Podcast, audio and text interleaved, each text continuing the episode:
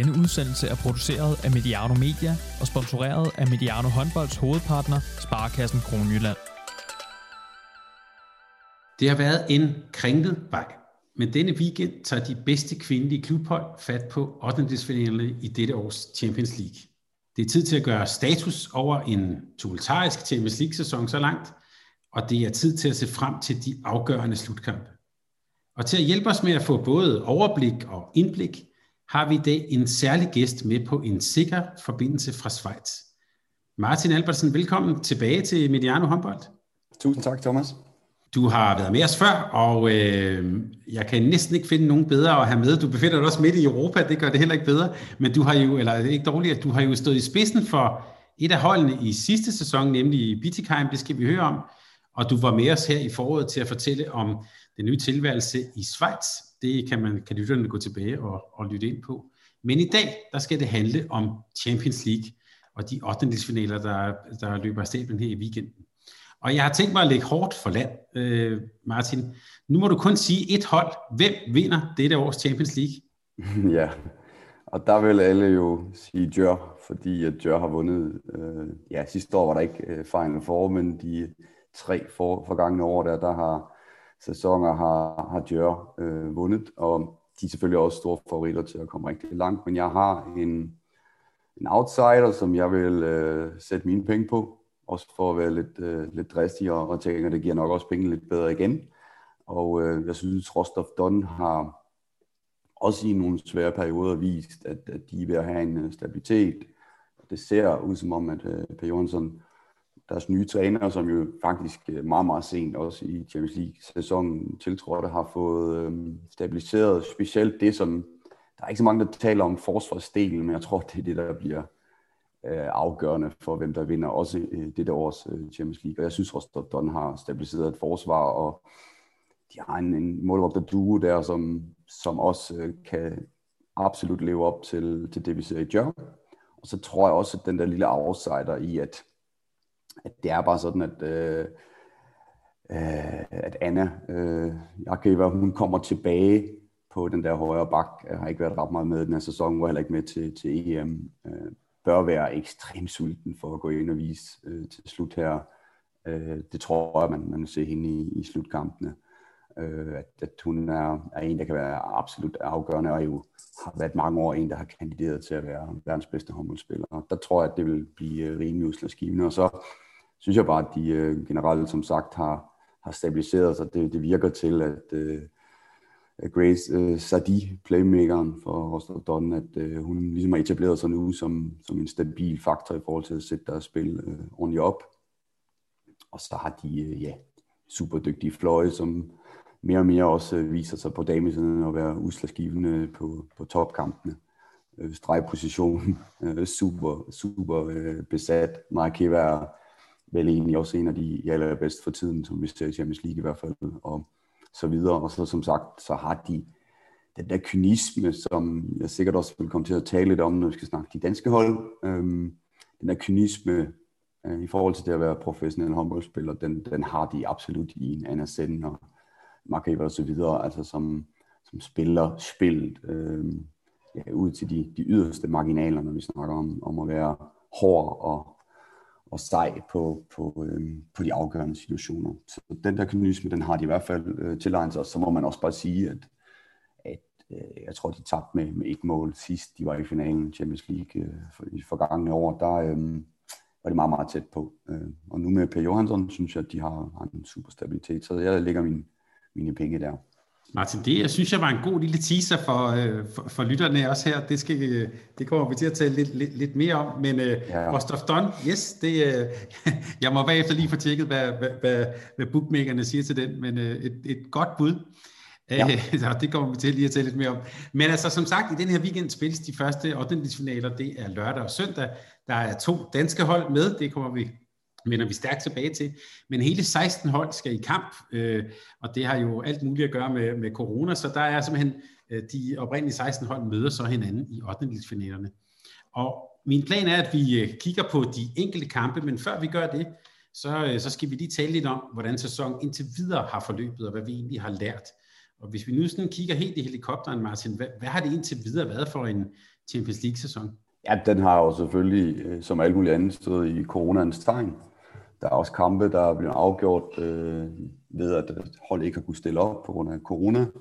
Og det har selvfølgelig været øh, for mange øh, de forskellige nationer, der nu deltager, også været et tema, at den uretfærdighed, der kan ligge i det. Øh, ja, det er jo sådan, det er, og det tænker jeg, at, at de hold, som er allermest professionelle, de vil også komme over, øh, kan man sige, den her coronaperiode bedst muligt. Det ser man jo også i, at, at de største favoritter vel egentlig også ligger øh, på de her ja, top 4 øh, positionerne i hvert fald øh, i de forskellige puljer. Og der, øh, der må man sige, der har stået i, i det tegn. Øh, hvem har været med for de forskellige hold? Øh, hvem har været ude på grund af ja, sygdom, øh, etc. Og øh, ja, hvornår har de forskellige øh, kampe så været placeret i forhold til, hvornår skulle for eksempel Esbjerg slipper så lige for at skal til Krim øh, og spille en, en, en meget, meget vigtig kamp, kan man sige der, og så videre. Så der har været, der har været øh, en stor indflydelse der i forhold til placeringerne, men også i den situation, vi står nu i, som jo er en situation, der er opstået efter, at øh, EHF har sagt, at der er ikke nogen, der ryger ud.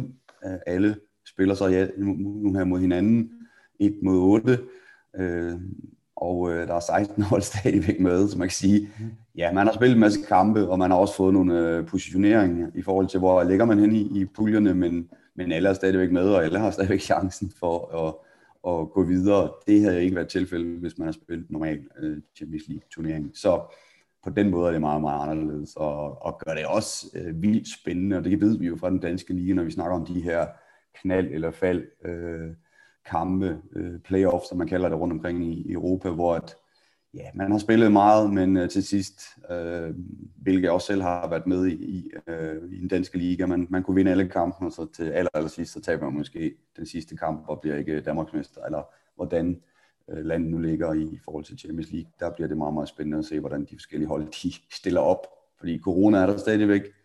Øh, der kan jo stadigvæk komme aflysninger, hvordan reagerer EHF så i forhold til det øh, hvis de her øh, kalder ikke bliver afviklet, hvordan reagerer man så?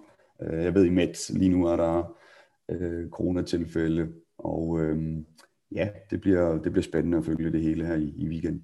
Men det her med, at vi så går direkte til noget, man kan sige, vi går til noget knockout, og der er stadig øh, alle 16 hold er med her.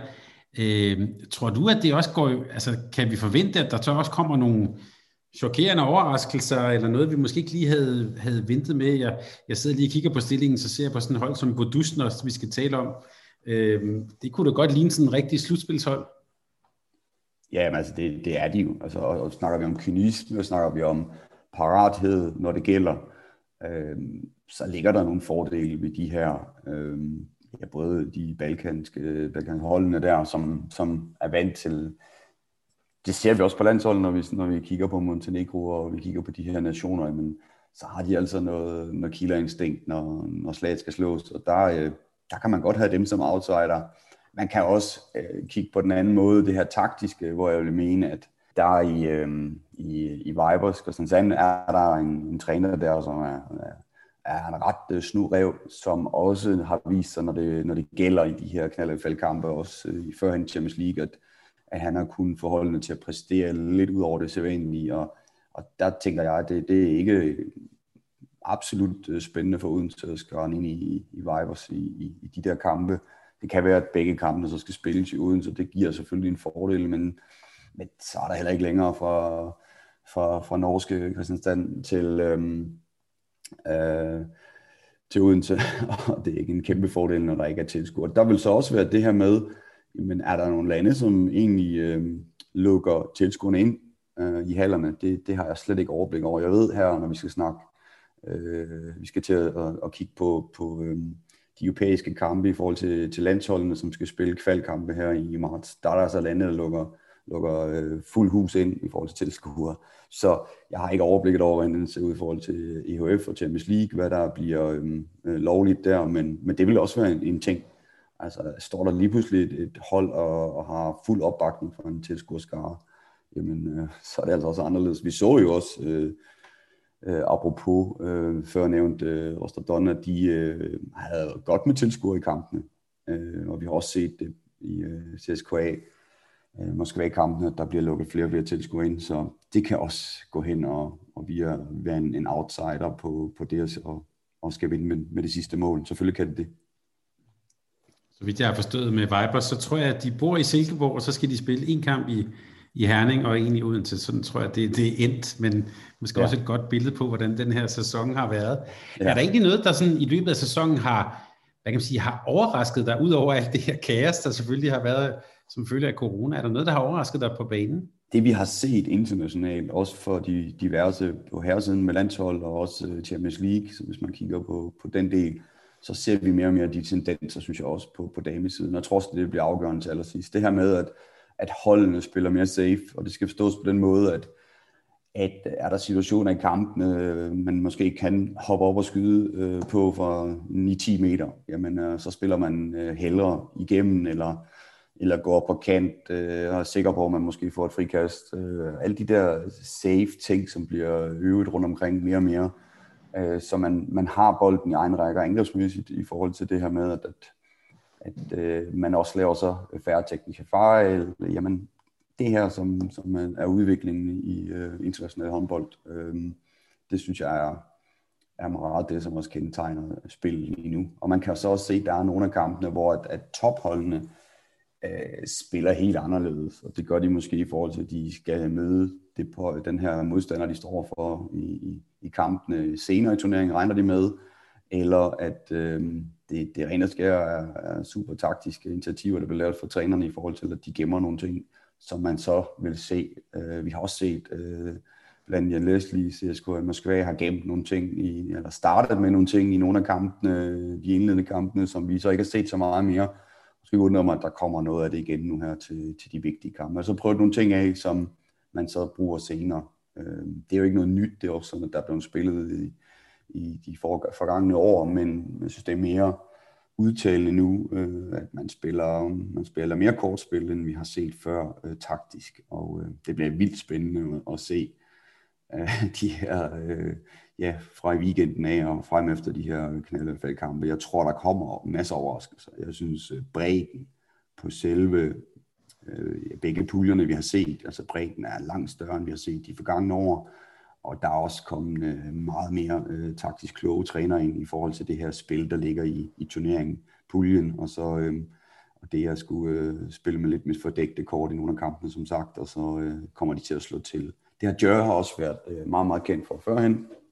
Gemt spiller også, altså øh, Amorinen, som jo måske i, i den sidste Final Four øh, ja, var totalt kampopgørende, hvor man måske i selve turneringen ikke har set så meget jamen øh, der vil helt sikkert også blive, øh, blive masser af kamp om tingene der, i forhold til at øh, spille de rigtige spillere på de rigtige tidspunkter. Og så vil det igen, Thomas, blive, det, det er jo kedeligt, men det er bare sådan, det er, at målvogterne også øh, vil få den største betydning, når vi nu, øh, og det er også der, jeg frygter lidt i forhold til Odenses øh, videre skæbne, at, at Lunde der jo kan lukke fuldstændig af, når det, når det skal være afgørende. Det har jeg selv oplevet, og man har jo set i rigtig mange øh, landskampe også, hvordan nogen kan lukke gardinen ned. Så det kan vi godt frygte lidt, at de bliver overmatchet der Odense. Øh, og, og det er også derfor, at, at øh, jeg har øh, duoen fra Rostov Don øh, og deres forsvar øh, til at gå hele vejen, hvor jeg synes, Jør har let lidt mere efter. Altså, øh, en, en øh, spiller, der ligesom skulle øh, være nummer et i målet. Øh, der tænker jeg, at de, øh, de, øh, de finder ud af det til sidst, men, øh, men det har været spændende at følge dem her i turneringen. Øh, apropos udviklingen, de har, de har jo egentlig formået at, at holde alle tre keeper i gang i hele turneringen. Jeg gør også meget, apropos du siger det der med safe, de har været så safe, at de har spillet fire kampe uafgjort, så det, altså, det har været øh, meget, meget kontrolleret, eller i hvert fald tæt på, på, og på nederlaget. fuldstændig uden stress, altså øh, både i Brest, i Odense, øh, hvor at, at øh, de spiller jo hammer dårligt reelt set. Men de spiller ingen kort ud, som sagt, som noget af det, der vi vil se senere, bliver ikke spillet ud, synes jeg ikke. Øh, og, og heller ikke i Brest.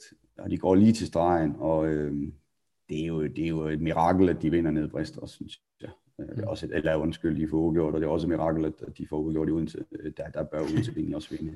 Men, men det er det, der viser sådan et stort hold selvfølgelig. Øhm, og jeg tænker, øh, at øh, uh, Madine Lino jo slet ikke har stået, i det jeg har set i hvert fald, også i kampene faktisk også for dem, øh, har ikke stået på det niveau, som, som vi så øh, Champions League Final Four.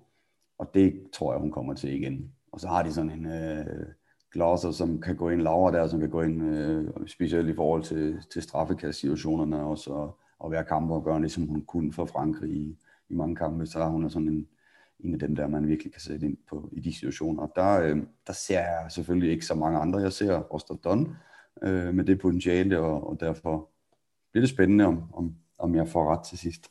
Og, og lige, lige til sidst her om sådan hele sæsonen, det har jo været ja, corona, der har været Øh, skader, der har også været en, en slutrunde i, øh, i, i december under sådan coronaforhold her.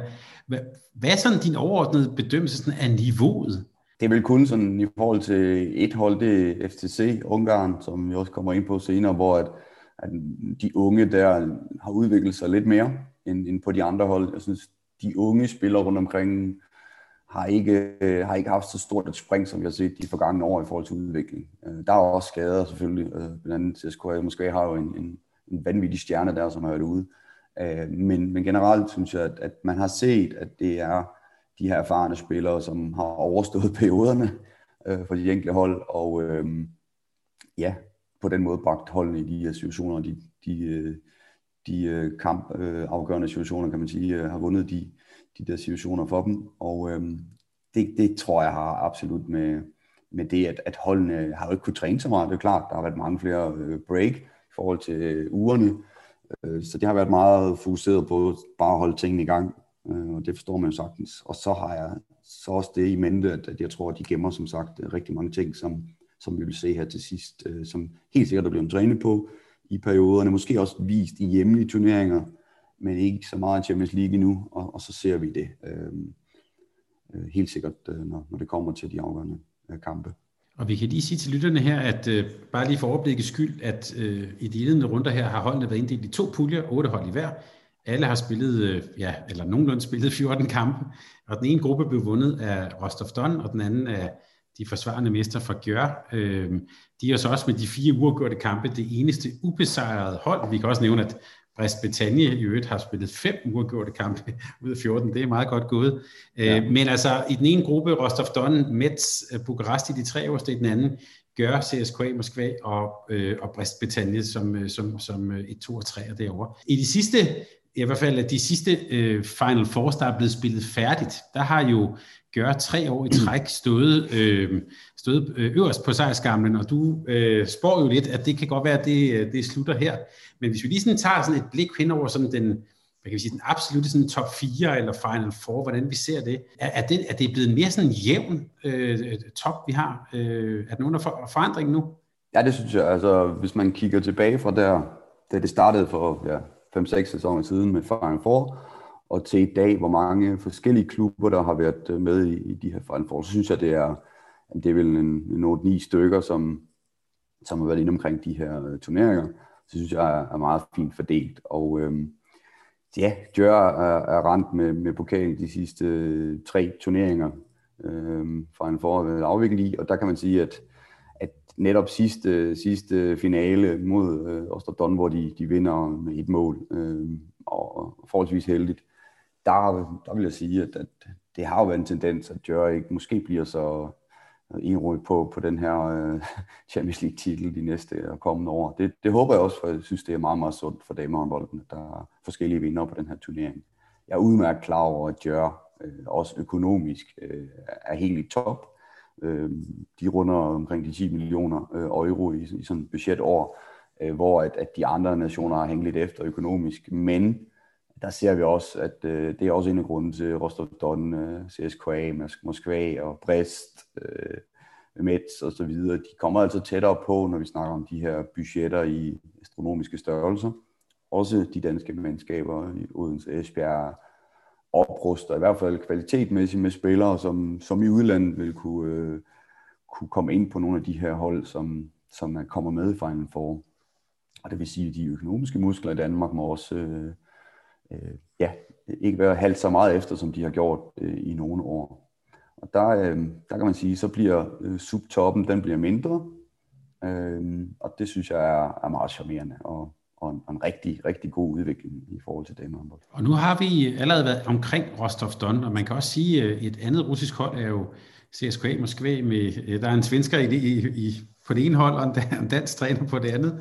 Ja. Øhm, hvordan ser du sådan helt overordnet på, på, på udviklingen sådan i Rusland og med de her to øh, russiske hold? Øh, hvad er det, de bidrager, hvad er de kommet med?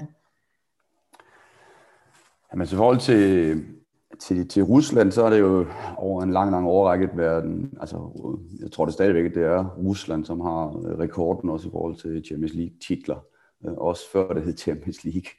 Øhm, hvis man kigger på Europacup-historikken der, så er det øh, også Rusland, Sovjetunionen i hvert fald, som har, har været inde omkring damehåndboldtitlen der i mange, mange, mange år. Og det vil de også, de vil også stå, stå tæt på i, i den kommende årrække på at, at vinde.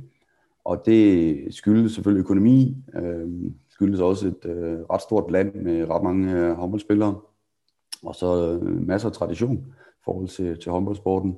Øh, vi har jo i mange år også med Lada og hvad de ellers hedder derovre, haft øh, hold, som, som har været øh, med i forskellige europæiske turneringer og gjort rigtig, rigtig godt. Og der er der så kommet to øh, skandinaviske trænere til, som ja, øh, Bjørnsen, som overtager efter øh, Martin, som selvfølgelig også har gjort rigtig, rigtig fint i øh, Rostov Don. Men jeg tror, det er, det er den, her, den her grundighed i forhold til, til det taktiske, som, som selvfølgelig kan, kan blive afgørende øh, for, om de her øh, Rostov Don og CSKA måske ikke går, går hele vejen. Jeg Leslie også en, øh, en taktisk rev, som, som helt sikkert har, har noget i godt posen til sidst i forhold til at, at prøve at, at gå hele vejen.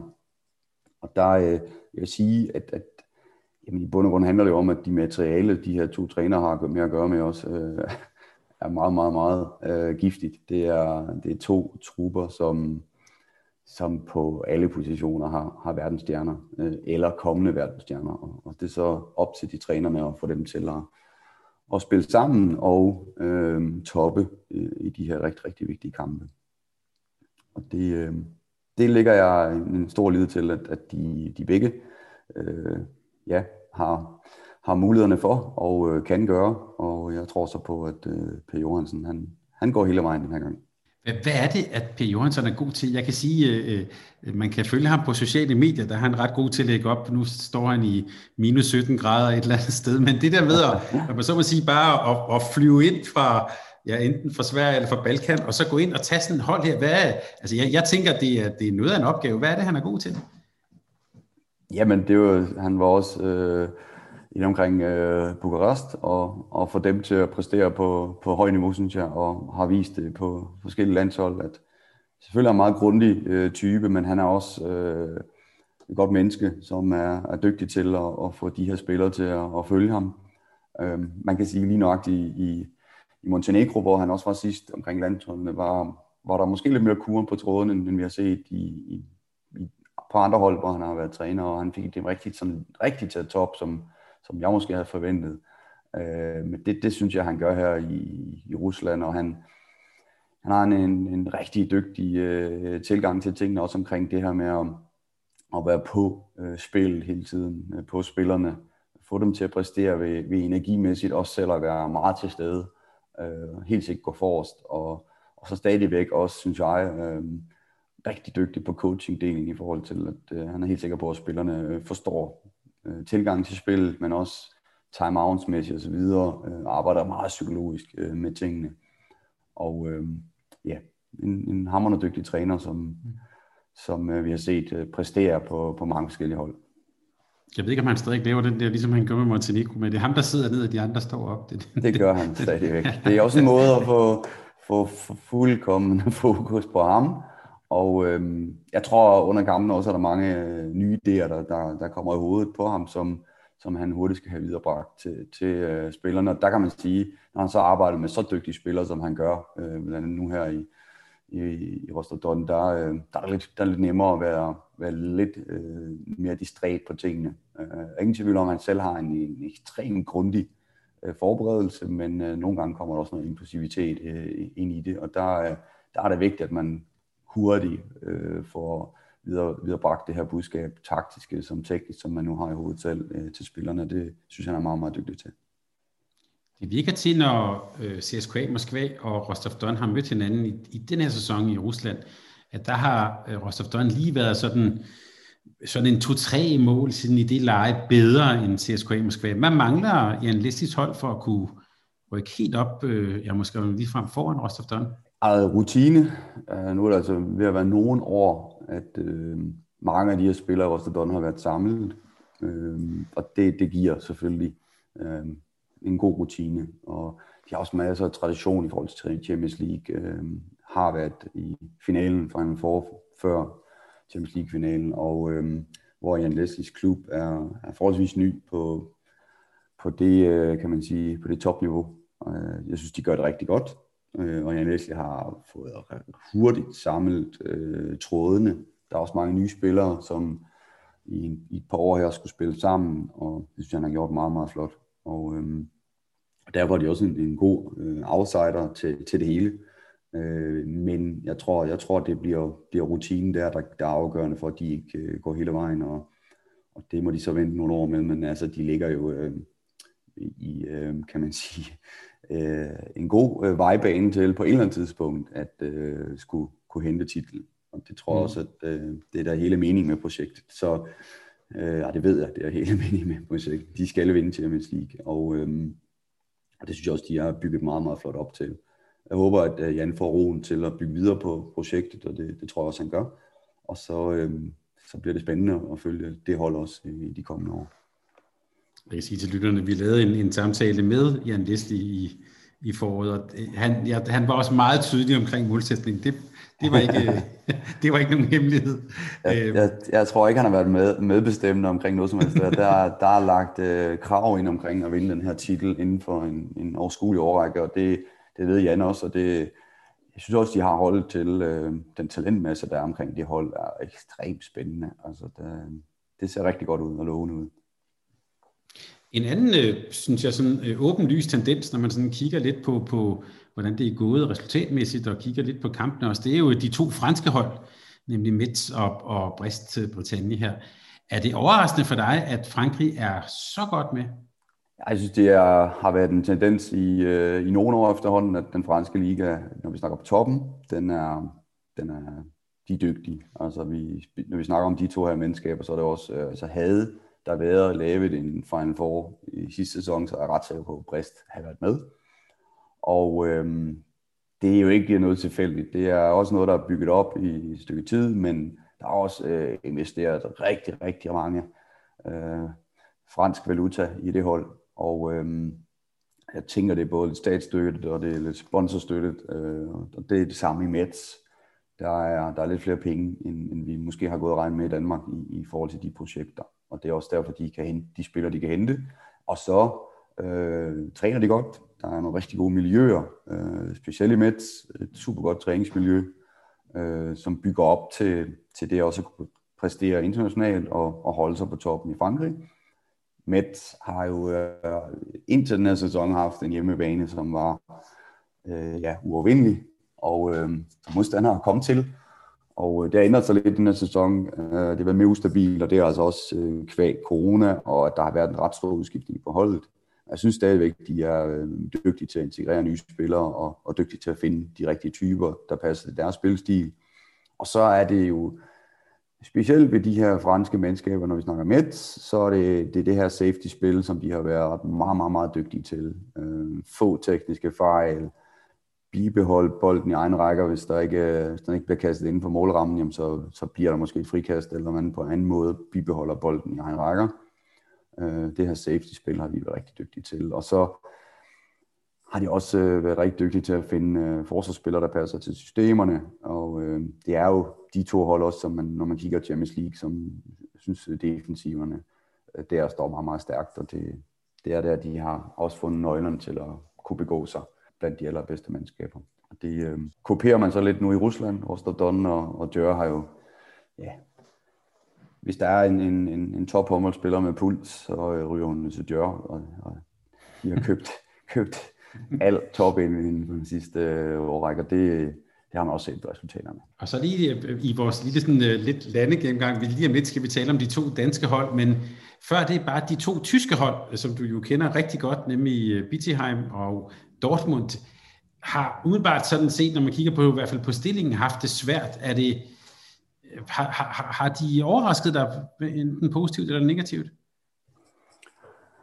Altså jeg kender rigtig godt til, til Bidikheim selvfølgelig, i forhold til at jeg selv har været øh, træner der, og må man sige, altså de har vel hævet deres spillerbudget med 25-30 procent til den her sæson, og, og det bliver ved i forhold til næste sæson, og, og de vil prøve, om de kan komme tættere på, øh, på, nogle, øh, på nogle af de her tophold, der ligger i Champions League. Øh, resultatmæssigt, nej, altså de, de har ikke præsteret på det niveau, som man måske kunne forvente i forhold til, til den trup, de har. Det synes jeg i hvert fald ikke. Øhm, uh, der har været rigtig, rigtig mange spændende spillere. Der har selvfølgelig også været noget graviditet og noget skader på holdet, og masser af indvirkning på, at, øh, og masser af, af ting, man kan sige, som, som taler øh, for, at de ikke skulle kunne præstere på det niveau, man kunne forvente. Øh, de har dog været i en, i Ungarn, i øh, FTC og, og vinde, tror du, mellem mål og sådan noget. At, øh, man har set en top der, hvor at, at man godt kunne forstå, hvorfor man kunne have forventninger til dem. Og øhm, omkring Dortmund, der synes jeg faktisk øh, første år øh, Champions League øh, vandt øh, ikke det tyske mesterskab, men lå nummer et, da, da turneringen blev sluttet af, og derfor kommer de også øh, i en nemmere vej normalvis i forhold til Champions League. Og øh, jeg synes, de har gjort det øh, vældig fint. De har haft et par blackouts øh, i slutningen af to kampe. Øh, deres hjemmekamp mod CSKA Moskva, hvor de har kampen i deres gule hånd og taber til sidst. Og, og det samme mod Bedutners, der har de egentlig også kampen i deres gule hånd og taber til, til slut der, hvor man synes, at det var lidt underligt øh, at se på, fordi at, øh, det er ligesom, at man er bange for at vinde, og det kan godt have noget at gøre med første år i Champions League og så videre, men synes, de har i år et rigtig, rigtig spændende mandskab, og slog jo også uden til forholdsvis øh, sikkert hjemme. Øh, jeg ved godt, der ikke var så meget spil for i den kamp, men trods så har de altså vist, at øh, det, er et, øh, det er et meget, meget øh, giftigt mandskab. Mangler måske lidt på målvogterposten til at kan rykke op i, i systemet, men øh, der ligger nogle øh, fodboldfolk der bagved øh, og poser lidt penge i, og man ikke de også øh, ser, at der skal investeres lidt i målvogterpositionen, og, øh, og mister så også øh, Kenny Dolfer til næste sæson, og, og Schmidt, som netop ryger til Bidikheim. Um, øhm, så bliver det spændende, hvad der, der kommer i forhold til, til indkøbene der. Men det, det er to tyske mandskaber, som absolut øh, har lyst til at spille med i Champions League og, og prøve at udfordre de her etablerede mandskaber. Ja, og hvis man ikke man har set den spil, kan vi sige til lytterne, det er, de stiller op i fuldstændig Borussia Dortmund-dragter øh, og det hele. Det er ligesom på fodbold, så jeg ved ikke, de spiller det, helt så heavy metal-agtigt, som, som de gjorde i fodbold. Det, det gør de, og det er også øh, specielt, når de spiller i, altså Champions League er ikke øh, endnu øh, en, en mega event for dem, men øh, den tyske liga og topkampen der inden corona, altså det var øh, øh, over fuld hus, altså folk på trapperne og fuldstændig gang i halen og, og et vildt sted at spille, og øh, det var fodboldtilskuere, så jo, det er ligesom i FTC. Øh, den vild kulisse og, og meget, meget spændende kulisse at spille i. Og jeg er også sikker på, at havde, havde FTC haft øh, deres normale tilskuerskare inden, så havde det hjulpet dem til flere point, end, end vi har set indtil videre. Så det betyder noget, øh, hvad der er for en kulisse, så vil gør det det. Og så lad os lige hoppe til, øh, til to hold, der også har spillet uden tilskuer, nemlig de to danske hold, Team Esbjerg og Odense håndbold. Øh, du, var, du teasede lidt for, at vi skulle tale lidt om kynisme, men jeg tænker lige før vi, lige før vi starter her øh, på dem, sådan helt overordnet, altså Team Esbjerg ender nummer 6 i deres gruppe, og Odense håndbold ender nummer 4 i deres gruppe. Hvordan, hvad, hvad skal vi sætte på, om så må sige, ikke karakterer, men hvordan skal vi vurdere deres indsats? jeg synes, øh, hvis vi tager Odense først, der, øh, Ja, indtil vi har set de sidste kampe der, og jeg er helt med på, at, at resultatmæssigt har det måske ikke en stor betydning, og så videre, så videre, så videre hvordan de sidste kampe forløb. Øh, men dog, altså det kunne jo have været en position øh, mere oppe efter, og de ikke skulle øh, møde det her forholdsvis øh, spektakulære og, øh, og hvad hedder det, øh, Vibers mandskab, hvordan kommer det til at gå, det bliver spændende. Øh, så havde de leveret en, en super indsats, det synes jeg. Øh, også øh, vist, at øh, der er krummer i det hold, og øh, man må også sige, at øh, Uwe Kikkelykke har fået, har fået en, øh, en, en god tro, specielt i den danske liga, når man ser de kampe. Altså, der har også været masser af kampe, hvor at de måske ikke lige har været øh, helt på toppen, og, og der er måske mange, der har tænkt, den her, den kan det, det er umuligt at vinde den her kamp, og så til sidst, så har de alligevel øh, fået det hævende hjem, og de kendetegner et, et, et, et rigtig dygtigt hold. Det synes jeg ikke, jeg har fået med i Champions League endnu, og det er også en af de ting, som, som vi så kommer ind på. Øh, men jeg synes absolut godkendt øh, forløb i Champions League indtil videre. Esbjerg startede også ud med bravur og, og fik så lidt en, øh, en lille spillemæssig krise i en, øh, en periode, og, og vi kunne rigtig kende dem. Specielt på hjemmebane var jeg meget, meget skuffet over deres øh, attityder og, og, og måde at spille på i Champions League, og de tabte også øh, en del kampe i en periode der. Kom så lidt til, tilbage mod slut, og, øh, og gør også, at man kan have forhåbninger til, at, at de kan gøre en god figur og overraske. Jeg vil sige, det vil være en overraskelse, hvis de øh, går videre i forhold til Brest. Men men man kan godt have troen på det. Altså, det kræver selvfølgelig nogle ting. Det kræver, at, øh, at vi får en, en Rikke Poulsen der i mål, som, som stepper lidt op. Øh, det er ikke sådan noget dårligt, men, men skal vi vinde de her kampe, så skal, vi, så skal målvogterne være på et højere niveau, end vi har set indtil videre for, for Esbjerg, synes jeg. Og vi ved også, at det der Brist øh, faktisk i en lang, lang periode har været stærke øh, på målvogterpositionen. Og så kræver det, at, øh, netop det her, som vi så kan komme ind på omkring øh, kynismen, at man, ja, at man, altså vi kan, ikke, vi kan ikke tillade os alle de her tekniske fejl og, og, og fokusmomenter, hvor man, ja, man, man, man ved ikke, hvor man er på banen, tænker jeg. Øh, gør nogle ting, som man i hvert fald ikke vil gøre, hvis man var i fuldkommen fokus. Og, og der tænker jeg også, det er også derfor, jeg lider lidt, øh, jeg har et, et, et håb til, til Esbjerg, det er, at de har før vist, at når der, når der er noget på spil sådan rigtigt for alvor, så kan de godt steppe lidt op. Og øh, det håber jeg, vi, vi ser øh, i Champions League-kampene der, for så, så ryger de ud til brist. Det, det er jeg ret sikker på. Er, er, er Danmark og de, man kan sige, de to danske hold her, er de kommet tættere på sådan, øh, man kan sige, en Final Four, eller det der med at være sådan i, i den absolute top? Det er jo, sidst var det jo Midtjylland i 2014, at vi havde et hold, der, der var så langt. Er, er vi kommet tættere på nu? Ja, det håber jeg. altså, det, mit hjerte brænder selvfølgelig stadig for, at vi skal have nogle danske hold med øh, i toppen. Vi har stadigvæk øh, breddeligmæssigt, tror jeg, øh, verdens bedste liga. Øhm, problemet er, at, at når man så sidder og sapper rundt, øh, også specielt som udlandsdansker, hvor man selvfølgelig sidder og kigger lidt, måske også på andre nationer lidt mere. Øh, Frankrig, topholdene, øh, Ungarn, topholdene, Rumænien osv., Rusland, når man så ser de kampe, som, hvilket niveau de bliver spillet på, også sådan, øh, og der er måske også noget med, med dommerlinjer og en masse ting, man kan diskutere, men det er jo blevet diskuteret i de sidste mange, mange, mange år, hvorfor er vi ikke tættere på, og det tror jeg altså, det er, at der bliver, ikke, der bliver altså ikke gået til, til den på samme måde, som når jeg ser på de andre kampe. Der er højere fysisk niveau, så du bliver mere stresset under kampene, specielt i slutminutterne. Øh, er man kropsligt øh, meget mere stresset, end man er i en dansk liga. Det er sådan lidt, lidt for sødt det hele, og som sagt det her med kynismen, som da vi så Viborg, Slagelse og så videre, øh, var rigtig dygtige, men der var også en del udenlandske spillere selvfølgelig, men de kom også til med, med den her, der blev gået til den til træning, måske lidt mere end vi, vi ser nu. Jeg har ikke været i træning, jeg ikke, faktisk ikke rigtig udtale mig om det, men jeg ser jo resultaterne i kampen. Og der må bare sige, at der var vi på et andet niveau kampmæssigt også dengang. Og øh, jeg håber, at der bliver, der bliver stablet lidt op øh, dommermæssigt, at man får lov til mere. Øh, jeg synes, det er for hurtigt, man, man får udvisningerne for regulær øh, hårdt spil. Øh, ikke spil, hvor man ødelægger hinanden, men hårdt spil, synes jeg, man får for mange udvisninger i den danske liga, hvis jeg kigger og sammenligner med de andre ligaer.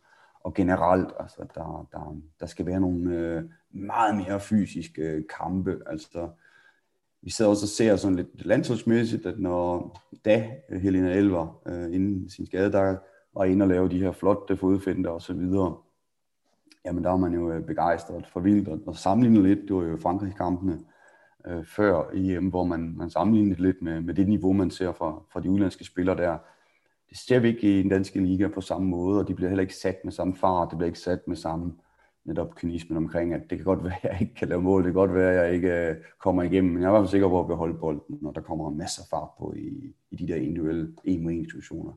Der synes jeg, at øh, der skal vi have hentet lidt, hvis vi vil være med helt oppe og det tror jeg også, en, en Jesper vil øh, give mig ret i, når han snakker om sit eget landshold. Øh, når Danmark skal helt op, så er vi nødt til at hæve niveauet øh, i forhold til, til det, jeg snakker om her i, i den danske liga. Så, så er jeg helt sikker på, så er vi med, og så taber vi heller ikke, øh, apropos, øh, til, en, til Kroatien i, i, i sådan en øh, bronzekamp, fordi kynismen er en helt anderledes størrelse, end, end vi ser.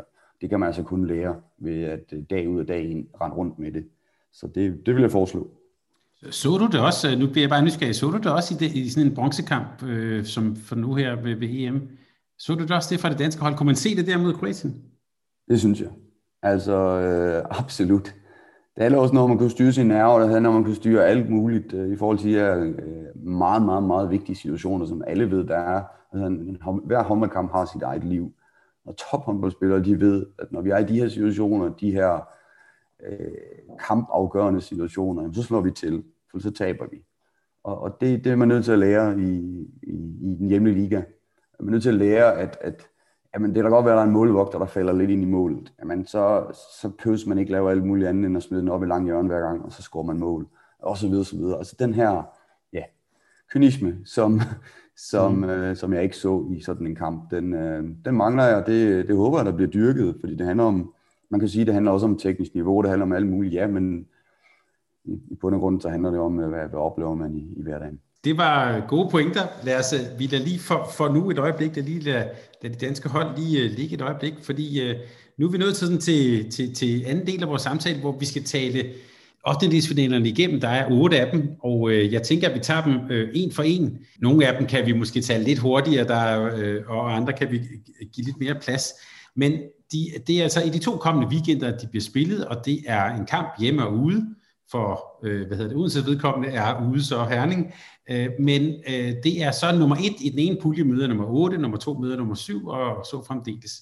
Øh, og man kan sige, med den sådan, øh, deling vil der i hvert fald være nogle af kampene, hvor vi kan sige, der er klare øh, favoritter og nogle tætte opgør, men øh, Martin har også lovet os nogle overraskelser, så det skal vi prøve at, øh, at tale igennem. Martin, lad os starte med den første kamp. Det er simpelthen øh, på Dravka, mod Rostov Don, som vi allerede har talt om, i, nummer to i den hjemlige liga mod ret suveræne Rostov Don. Øh, og så oven i købet med Prodavka, som jo er øh, mærket af deres træner, øh, Slatko Sarasevic's øh, pludselige øh, død. Er det den kamp, hvor der er den mest klare favorit? Ja, det synes jeg. Mm. Øhm, også hvis man kigger på selve turneringsforløbet øh, Champions League i, i dette år, der synes jeg, at øh, det er det hold, jeg har set, øh, også selv på hjemmebane, som svagest. Øh, så der, der er jeg er ikke til sekund i tvivl om, at øh, jeg vil i hvert fald sætte mine penge på, på Rostov Don. Og, ja, det har været et tragisk, tragisk øh, slutforløb her øh, i den sidste måned for, for den her klub. Og øh, ja, jeg tror også, der, ja, der er andre ting, der er vigtigere måske lige en, øh, end den kamp for, for dem. Og, øh, og derfor så, øh, eller de to kampe, og derfor så, så sætter jeg min, øh, min klare favoritværdighed til, til Rostov også, eftersom jeg ser dem gå hele vejen. Ja, man kunne måske også sige, at nogle gange kunne man jo godt se sådan en trodsreaktion, eller den der kliché med at stå sammen i bussen, men man kan også sige, at kvalitetsmæssigt er der vel også så stor forskel på de to hold, at det er ret urealistisk. Ja, så altså, vi skal snakke uh, totalt blackdown uh, for sådan ja. Rostov-hold. Ja, ja. Eller Rostov-hold, det synes jeg. Jamen, vi, øh, vi stoler på Per Jørgensen, og så går vi hurtigt videre til det, der er et rent internt rumænsk opgør, nemlig mod øh, øh CSM øh, Bukaresti, som jo er ubesejret leder i den rumænske liga. De skal møde, de møder Valsea, og her for kort tid siden, den 18. februar, der vandt de faktisk, der vandt Bukarest ude 27-22 mod Valsea i ligaen. Så jeg får lyst til at spørge, er det også sådan et opgør, hvor vi har en relativt klar favorit i Bukarest? Ja, det synes jeg. Altså, det er også, øh, der har også været masser af uro i Valsea, øh, blandt andet Ingrid Nørgaard, som også er forsvundet fra klubben, og flere spillere, som har fået at vide, at de også kunne finde andre øh, græsgange at gå på, hvis det var, at der var mulighed for det. Der er en masse økonomi der, øh, sikkert som har spillet ind, og der øh, har manglet nogle penge, og det tror jeg har i en periode i hvert fald været udslagsgivende for, for det spil, vi har set jeg ved godt, at vi så mod Odense ser dem øh, at spille en, en, en vældig fin kamp, øh, men det, det tilskriver også, at øh, Odense ikke var øh, overhovedet til stedeværende i den kamp. Øh, det var en rigtig dårlig hjemmekamp for dem. Og hvis man kigger på, på sådan en kamp her, hvor det handler om, at det er Champions League, det vil sige, der er heller ikke sådan nogle rumænske dommer, der, så vi har set i de andre år i den hjemlige rumænske liga, hvor man ikke kunne vide, hvem vinder, fordi der er mange ting på spil der. Øh, der må man sige, at øh, der er rimelig tryg ved, at øh, det bliver fuldstændig færre øh, omgivelser. Øh, også hvad omhandler dommerne, der, der er jeg ret sikker på, at øh, Bukaresti har så stor kvalitet, at de tager, altså rent taktisk og så videre, bænkmæssigt med de to træner og så videre, der, der, der er det rimelig, øh, er det rimelig øh, lige. Øh, men når vi sådan kigger på spilmateriale, så du selv var inde på, Thomas, så, øh, så vinder Bukaresti. Hvad har du set for Christina Neago i denne her sæson? Up and down, øh, men det så vi også til, til EM. Øh, kom fra nogle skadesforløb også og skulle i gang igen, og der var også øh, nogle, nogle flotte klip, kan man sige. Øh, et godt udtryk i, i nogle af kampene fra, fra hendes side, men, men hun har spillet sig lidt op øh, her i forhold til Champions League, absolut. Og øh, det er jo en star, altså det er jo også en af dem, der kandiderer hele tiden til at være verdens bedste håndboldspiller. Så øh, jeg tænker, når vi snakker om sådan en, øh, en kamp mod Valsera, der skal hun nok være klar. Ja, jeg tænker, altså, jeg så også den der afslutning, afslutning mod Team Esbjerg der, Ja. Der var det ligesom, der var sådan lidt, øh, altså hun ligger altså også nummer to på topscorelisten i Champions League. Skal vi ja, det er, ikke, det, er ikke, det er ikke Champions League, hun har spillet dårligt, det kan vi ikke sige. Det var, hun har også mange billetter, kan man så sige. Men, øh, men der var lidt det der, altså det der med, der var det hende, der lige gik ind og, afgjorde det til sidst. Det var også hende, som jeg husker det, i timeouten, der lige sagde, at vi gør sådan og sådan, og så hoppede hun op og smækkede den ind. Øh, ja, ja. Så, så, den kvalitet er der vel egentlig stadigvæk med hende?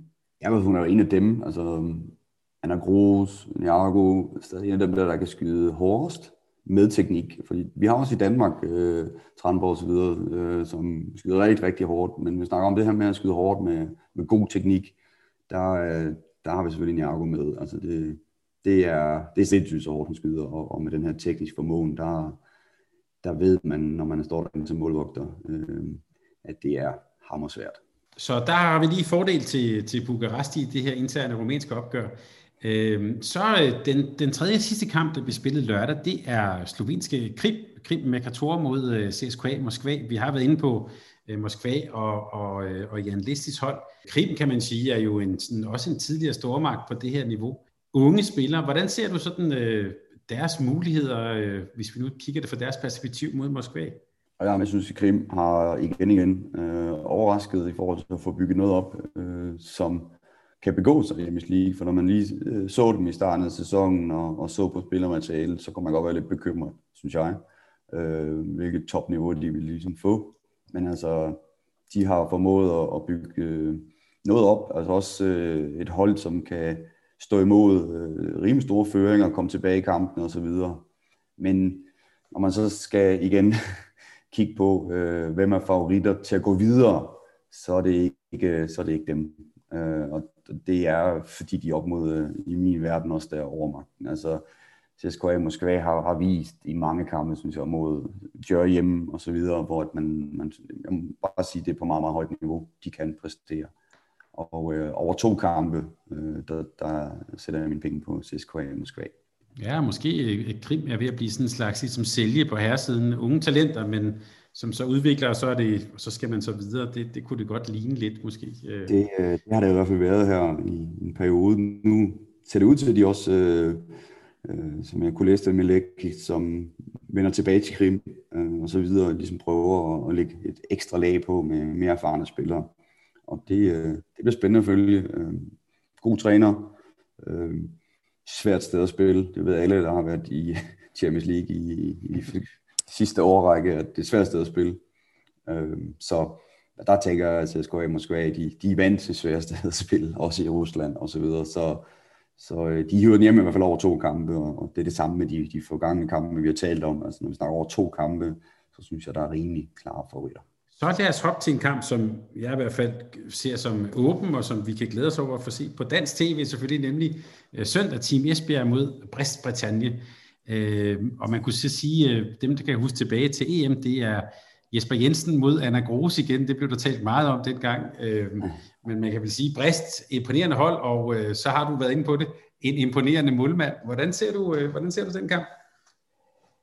Ja, men det er da, det er da sindssygt spændende at skal følge med i, hvordan det kommer til at gå øh, netop i den kamp, fordi der er så mange øh, også følelsesmæssige ting, som jeg tror, uanset hvor mange gange, at, øh, at vi, vi ser en Sandra Troff spille mod Esbjerg, så er der stadigvæk følelser med i det, og de sidste kampe, jeg har set, øh, de to øh, duellander imellem, der må man sige, at, at hun, har, hun har stået rigtig godt, og øh, det forventer jeg også, at hun, hun viser topniveau, og det kan blive kampafgørende, men jeg er heller ikke sådan, at jeg synes, at Brest har spillet øh, vildt fantastisk. De har et øh, forholdsvis stabilt forsvar, øh, men meget ustabilt, også i forhold til det her med, som de har gjort i de forgangne sæsoner, hvor de har været øh, forholdsvis øh, sikre i deres angrebsspil, og var vel en af de aller, allerbedste angrebshold i, i, i forrige sæson, da der blev spillet Champions League. Og der må man sige, at øh, det, det ser ikke sådan ud nu. Øh,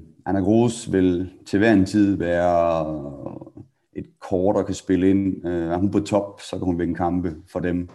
Øh, og får man styr på hende, øh, så kan man vinde mod Brest. Det er, mit, øh, det er min klare overbevisning, at, øh, at man vil kunne få lavet en del kontramål mod dem. Øh, men de har jo ligesom sådan en af de der hold, som egentlig måske ikke er allerbedst til at løbe hjem, men kan være så effektive på deres angrebsdel, at det kan være svært for modstanderne at bevise, at de ikke er så dygtige til at løbe hjem.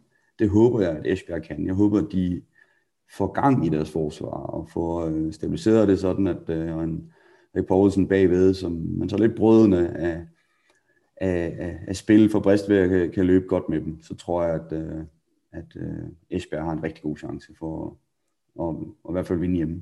Og så ser vi, hvordan det kommer til at gå i Brist. og uden vi skal lave alt for, uden vi behøver at hjælpe Jesper Jensen alt for meget, men det du har set på Anna Gros, hvordan skal man dække hende op egentlig? Ja, og det er netop sådan en spiller der, der øh, for rimelig stor afstand kan, øh, kan skyde den i mål med, med teknisk præcision. Altså, som sagt, der er ret mange spillere også øh, på damehåndboldsiden nu, som, som skyder hårdt. Det gør hun også, som en hest sparker, men med rimelig god teknik. Og så skal man have vurderet på, om man, man skal få en til at skyde lidt bagfra ved at, at presse hende lidt op i banen, og så få lagt noget, måske endda parade øh, med god afstand. Man kan i hvert fald ikke lade hende hoppe hen over en, fordi så er det så spil forbi, øh, hvis man har en normal dag. Øh, man kan også takke hende af, der er også øh, hvert hold i Champions League, der har øh, kunne gået meget kropsligt til hende. Og man har set i de her EM, VM slutrunder, at hun har været vanvittig Øh, verdensklasse i starten af turneringen, og så har hun gået lidt død i slutet af turneringen. Og det, det har været i forhold til det her fysiske pres, der selvfølgelig bliver lagt på en spiller, der har så mange billetter og skal gøre så meget for, at øh, et hold angrebsmæssigt kan præstere. Og der vil jeg sige, der kan man, øh, der kan man godt lege lidt med hende rent fysisk. Øh, masser af dueller, så kan man godt øh, få hende til at gå død. Øh, og så er der også det i det, at, at der har været nogle af kampene, hvor hun skulle trække noget forsvarsmæssigt også. Og der er det altså bare ind at køre på hende, at hun er ikke en eminent forsvarsspiller. Og kan man også der have masser af duel, hvor hun fysisk skal bruge sig selv, så kan man jo trække det med til angrebsspillet. Og det, øh, det vil være, det vil være mit råd. Og vel også, som du har været inde på et par gange, to dygtige trænere over for hinanden, der over to opgør, vil, øh, der får vi vel en masse at se.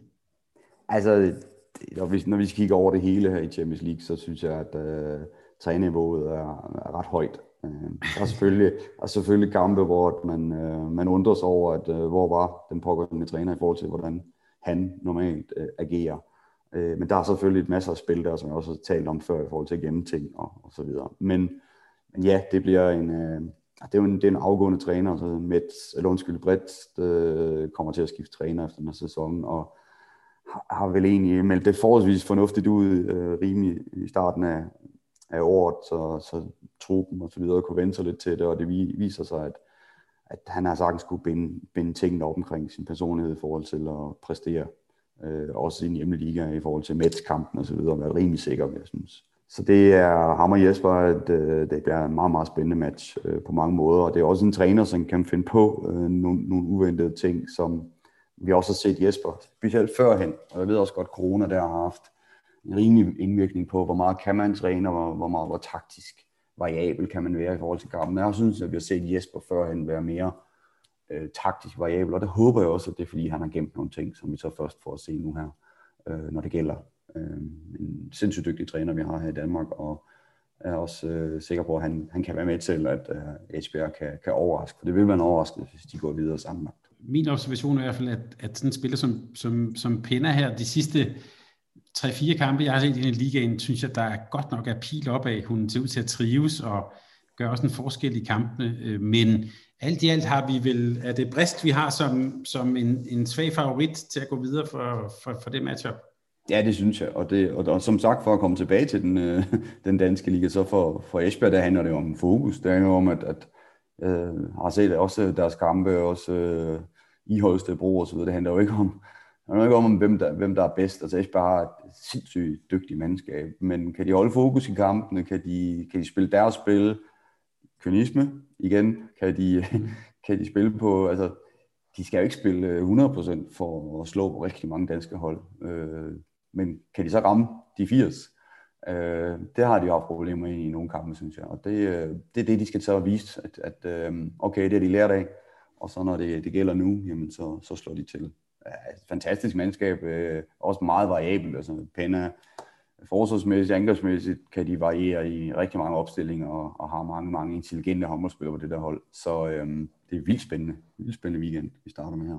Jeg skriver Brist på, på min seddel her, men, men med et lille, et, lille, et, lille, et lille blik på Team Esbjerg også.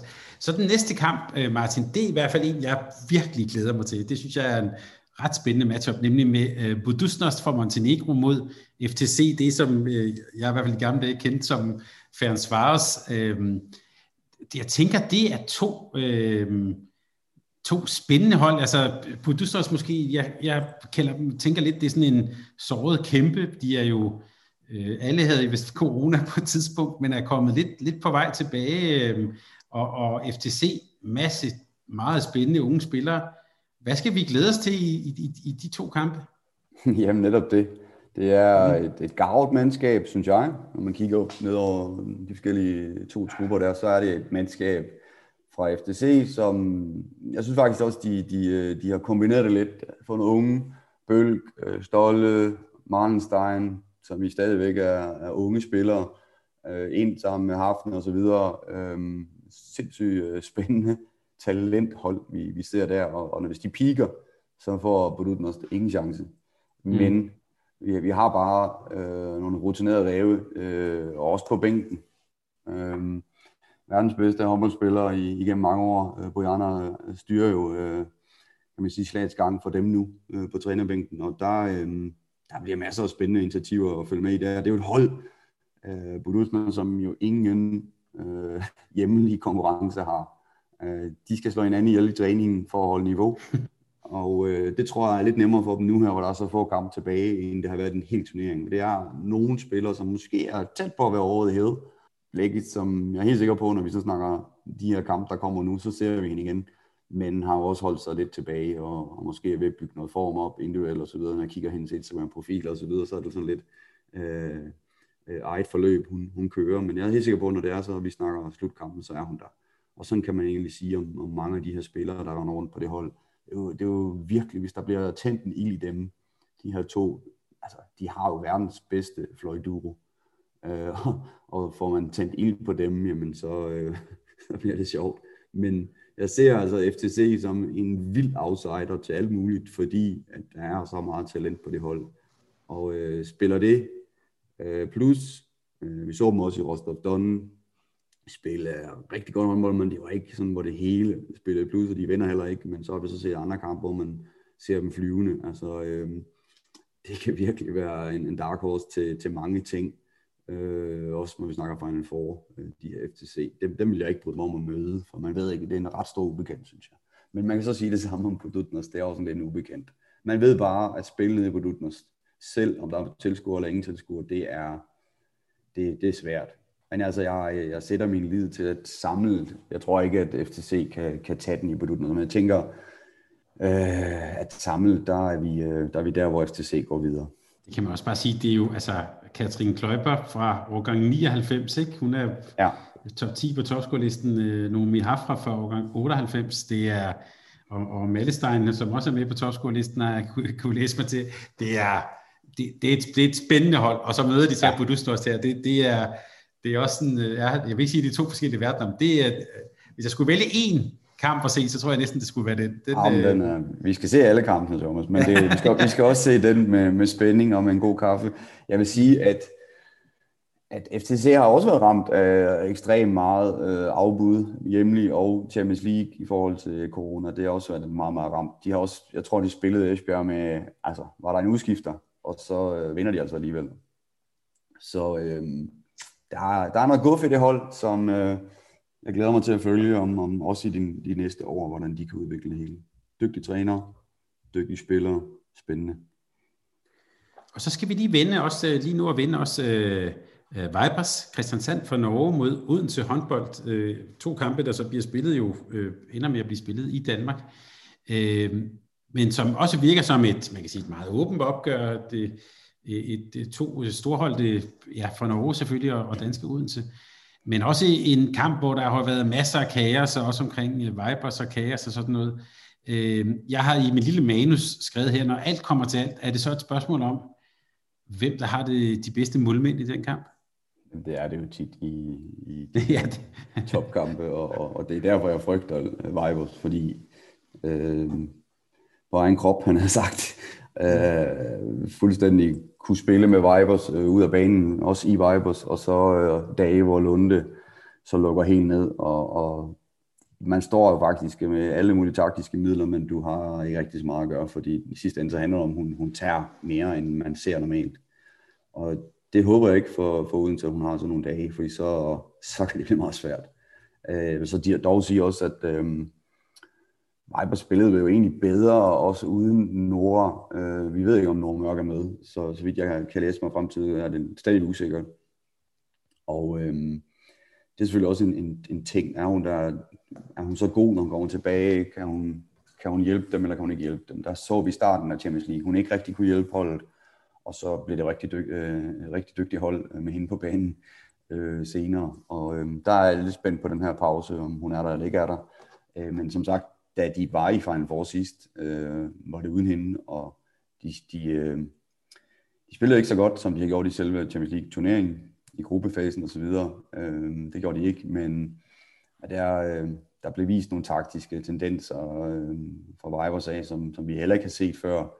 Øh, og hvis det sidder i skabet nu, så, øh, så bliver det svært for, for Odense. Og men at Odense, synes jeg også, øh, har absolut et, øh, et klassemandskab. Øh, jeg var lidt ustabil, og specielt også øh, fløjmæssigt øh, lidt up and down, synes jeg. Forsvarsmæssigt øh, hænger selvfølgelig også sammen med målvogterpræstationerne. Øh, har det haft lidt svært ved at øh, finde ud af, hvem er det, som lige er nummer et. Øh, for mig at se, når vi snakker de her øh, topkampe, øh, og der vil jeg også sige, når vi snakker danske landshold, øh, synes jeg faktisk, at Altea øh, viste også til slutrunden, at øh, hun har virkelig kapacitet til meget, meget, meget snart at blive nummer et, øh, også på landshold. Øh, sindssyg øh, tendens, som man ser øh, øh, fra hendes side. Øh, og det har vi også set øh, et blik øh, i glimt, kan man sige, øh, i de sidste kampe, øh, hvor det galt noget for Odense, synes jeg virkelig, vi har set Altea, og hun skal tror jeg, være på topniveau, for at de kan øh, kvæg rækkevidde, kvæg, øh, kvæg hendes måde at stå, stå på, som jeg synes passer bedre, bedre til øh, internationalt topniveau, end, end vi har set ved, ved Tess. Tess har stået rigtig flot, synes jeg, de sidste kampe for Odense, øh, hvis man lige ser væk også for, for Dortmund-kampen. Og det er så det, når vi snakker internationalt topniveau, så har hun altså haft en tendens til, at, at det skal være for Holland, for hun virkelig kan brænde, brænde ud øh, med gode kampe. Øh, hvor jeg, jeg, tror, jeg, jeg tror, man skal sætte tillid til Altea i de her gange. Og så bare lige til sidst, jeg tænker også øh, med den kamp her, at øh, Lois Abing har øh, jo faktisk, hun er jo faktisk nummer 4 på topscore-listen i Champions League. Ja. Øh, og det virker også ligesom pæne, som om, at, at hun er ved for alvor at være der for, øh, for sit hold her. Øh, er, er, er det sådan et, jeg vil ikke sige et skjult våben, det er jo ikke ligefrem en overraskelse, at de har en beholdkortet, men er hun ved at være der for Odense? Ja, og hun er også en spiller, når det både fra Holland, da vi så hende i Rostov, da hun fik lov at spille i de vigtige øh, momenter, øh, de her kampaf, øh, kamp, kampafgørende situationer, der synes jeg, hun har været rigtig dygtig. Og også i en, en hjemlig liga. Hun, hun tager jo nogle chancer, kan man sige, men hun har haft stor effektivitet på hendes afslutninger, som nogle gange med lidt hovedet under armen Øh, jeg synes øh, virkelig, hun, hun, øh, hun går forrest, og øh, det er der også brug for, hvis, øh, hvis Odense skal slå øh, Vipers. Og øh, lige til, øh, til sidst på den her kamp, Martin, er det øh, kryds Vipers eller kryds ved Odense? Jeg vil sige, at i forhold til alt det, der er sket i Vipers, og alt det tumult, der har været, og jeg tror ikke engang, de spiller hjemme i liga lige nu, øh, Norge. Øh, jeg vil sige, at det er, og det gør de jo ikke, de som du siger, i Silkeborg, øh, så er det, øh, det er Odense, der bør øh, være favoritter. Hvis, hvis normale omstændigheder, så vil jeg også sige, at Odense øh, bør kunne slå Vipers med det hold, Odense, Odense har. Så øh, jeg vil sætte mine penge på Odense og, og håbe, de lever op til, til den øh, favoritværdighed. Til sidst, der mangler vi sådan set uh, i Godsholm bare at tale om de to kampe, hvor de to tyske hold er med, nemlig uh, Bidheim mod, uh, mod Gjør og Dortmund mod Metz. Skal vi være så hårde, at vi siger, uh, at der har de tyske hold ikke helt så meget, og, eller de har faktisk ikke så mange muligheder for at gå videre? Altså i forhold til Bidheim og, og Gjør, ja, ingen, mm. ingen muligheder, også fordi at Bidheim har ikke spillet øh, 7 mod 6, har ikke lavet noget overraskende endnu. Så øh, det vil være sådan nogle ting, altså hvis man skulle slå døre i min verden, så, så skal man spille ud med nogle andre ting, end vi har set indtil videre.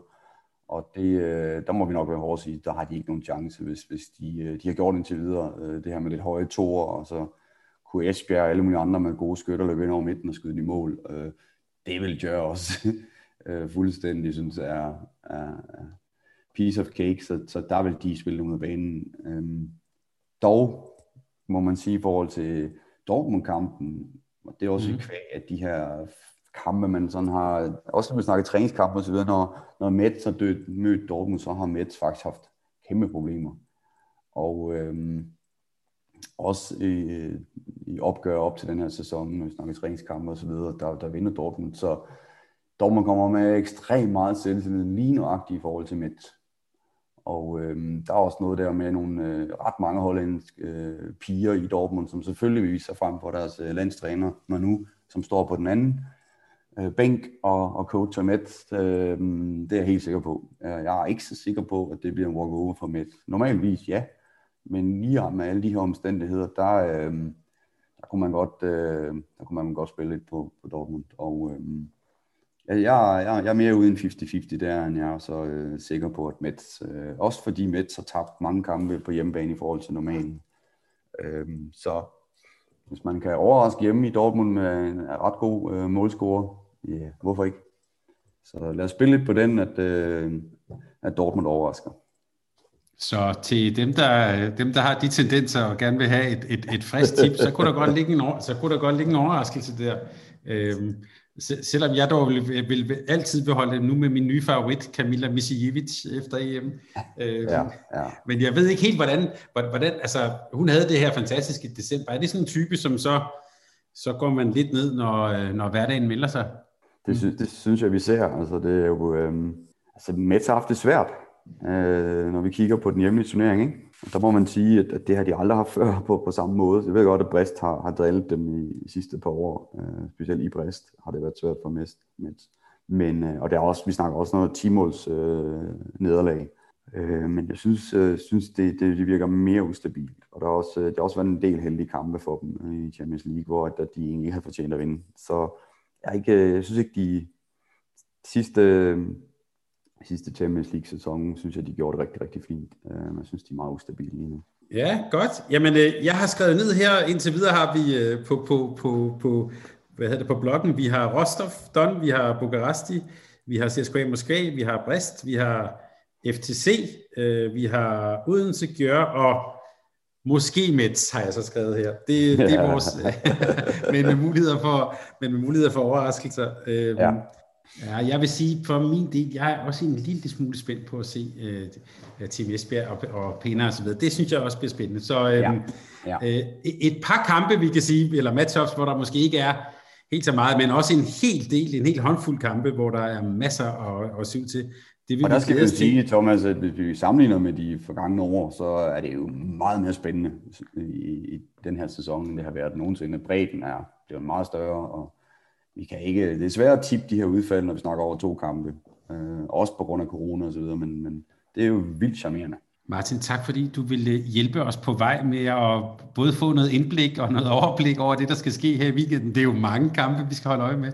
Øh, men tak fordi du vil være med til at hjælpe øh, os og lytterne på, øh, på vej. Jeg kan sige, at jeg sidder her med et stort smil og glæder mig helt vildt til weekenden. Tak for det. Og i lige måde, Thomas. Tak for det. Tak fordi du vil være med. Tak fordi du lyttede til en podcast af Mediano Håndbold. Hvis du kunne lide udsendelsen, så husk at abonnere på Mediano Håndbold, der hvor du hører podcasts. Så får du den seneste udsendelse serveret direkte til dig. Du må gerne fortælle dine venner om os, og husk at følge os på Facebook, Twitter og Instagram. Mediano Håndbold kan lade sig gøre, takket være Sparkassen Kronjylland. Vi har gået hånd i hånd siden foråret 2018.